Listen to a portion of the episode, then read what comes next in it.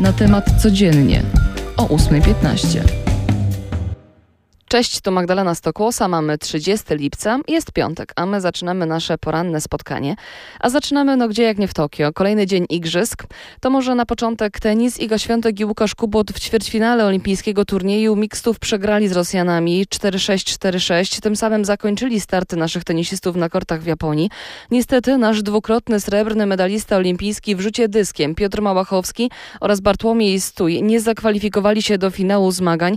Stój był 14, a Małachowski 15 najdalej rzucił Szwed Daniel Sztul.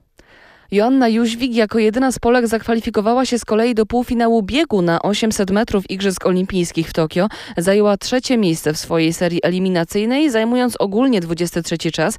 Walka o jedno z ośmiu miejsc w finale już jutro.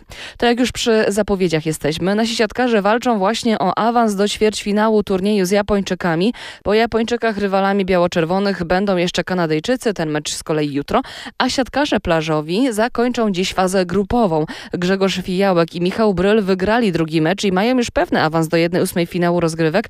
Trudniejsze zadanie dziś ma przed sobą druga para naszych siatkarzy plażowych, Piotr Kantor i Bartosz Łosiak, którzy przegrali we wtorek z Niemcami, ale wciąż mają szansę znaleźć się w fazie pucharowej igrzysk. To jeszcze taki jeden pozytywny akcent z Tokio. San Marino ma swój pierwszy medal olimpijski w historii. Zdobyła go dla swojego kraju Alessandra Perilli, która była trzecia w strzeleckim trapie. To naprawdę ogromne osiągnięcie, zważywszy na to, że San Marino Marino ma jakieś 34 tysiące mieszkańców, to tyle mniej więcej co z polskich miast Cieszyn czy Brzeg. Oczywiście wszystkie sportowe zapowiedzi startów, jak i relacje z Tokio są na natemat.pl. Tam Was oczywiście też zapraszam. E, przenosimy się teraz na nasze krajowe podwórko. Mamy przełom, jeśli chodzi o wybór ambasadora USA w Polsce. Przypomnę niezorientowanym, że w styczniu to stanowisko opuściła Georgette Mosbacher. Według TVN24 polskie władze jednak wyraziły wreszcie zgodę na to, aby stanowisko ambasadora objął rekomendowany przez Waszyngton Mark Brzeziński. To syn Zbigniewa Brzezińskiego, słynnego doradcy do spraw bezpieczeństwa USA, prezydenta Jimmy'ego Cartera. Brzeziński do Polski ma przyjechać w sierpniu, a urząd objąć we wrześniu. W całym kraju rozpoczynają się powoli obchody 77. rocznicy wybuchu Powstania Warszawskiego. Prezydent ma spotkać się z powstańcami, odbędą się także wręczenia odznaczeń państwowych. Oczywiście w całej Warszawie są organizowane liczne wydarzenia. Chciałabym Wam przy okazji polecić świetną serię wywiadów, które prowadzi na swoim kanale YouTube Muzeum Powstania Korzenie Pamięci. Są to rozmowy z potomkami powstańców, z dziećmi, wnukami, krewnymi. Wśród nich są na przykład Szymon Majewski, Karolina Korwin-Piotrowska czy Krystyna Nowacka. Szczerze polecam.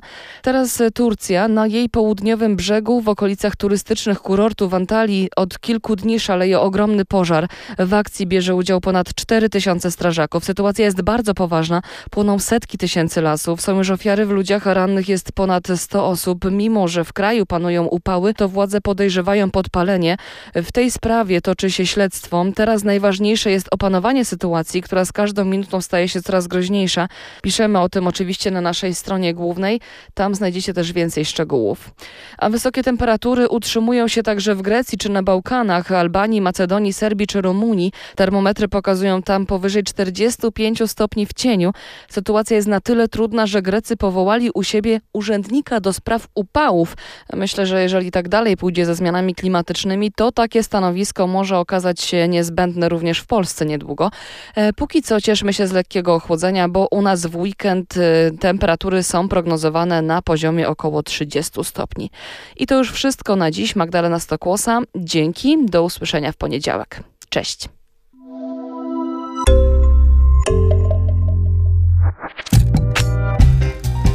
Na temat codziennie o 8.15.